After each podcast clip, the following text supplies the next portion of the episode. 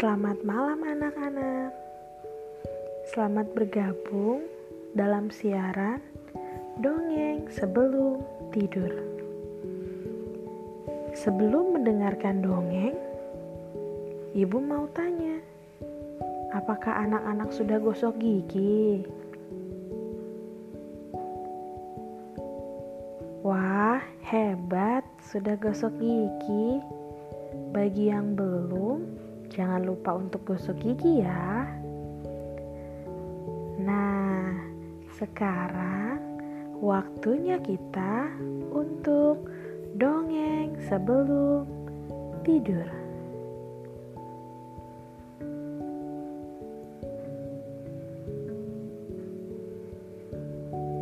Kali ini Ibu Rani akan bercerita dengan judul Kelinci dan Kura-Kura.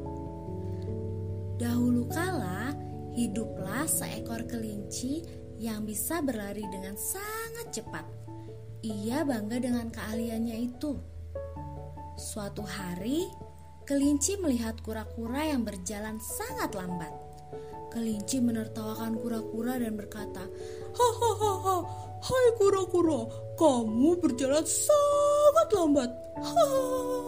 Lalu kura-kura berkata, rupanya kamu sangat bangga dengan kecepatanmu. Untuk itu, mari kita berlomba dan kita lihat siapa yang sebenarnya lebih cepat. Kelinci dan kura-kura pun berlomba.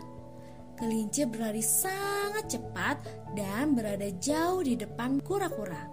Setelah beberapa saat, kelinci berbalik untuk melihat di mana kura-kura berada.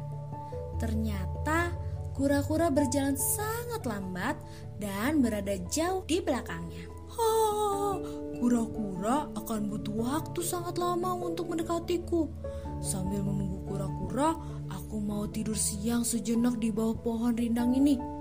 Tak lama kemudian, kura-kura pun perlahan tapi pasti melewati kelinci yang tetap tertidur pulas. Saat kelinci akhirnya terbangun, ia kaget. Kelinci segera bangkit dan berlari. Namun, usahanya sia-sia. Semua penonton bersorak menyambut kura-kura. Yeay, aku menang! Yeay! Kura-kura sudah memenangkan perlombaan.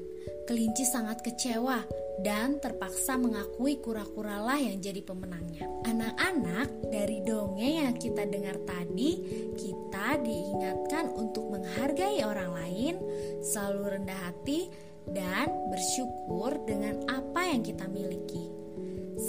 Sekian dongeng sebelum tidur untuk malam ini. Sampai bertemu di dongeng berikutnya. Sebelum tidur, jangan lupa berdoa dulu ya. Selamat tidur, selamat beristirahat. Tuhan Yesus memberkati.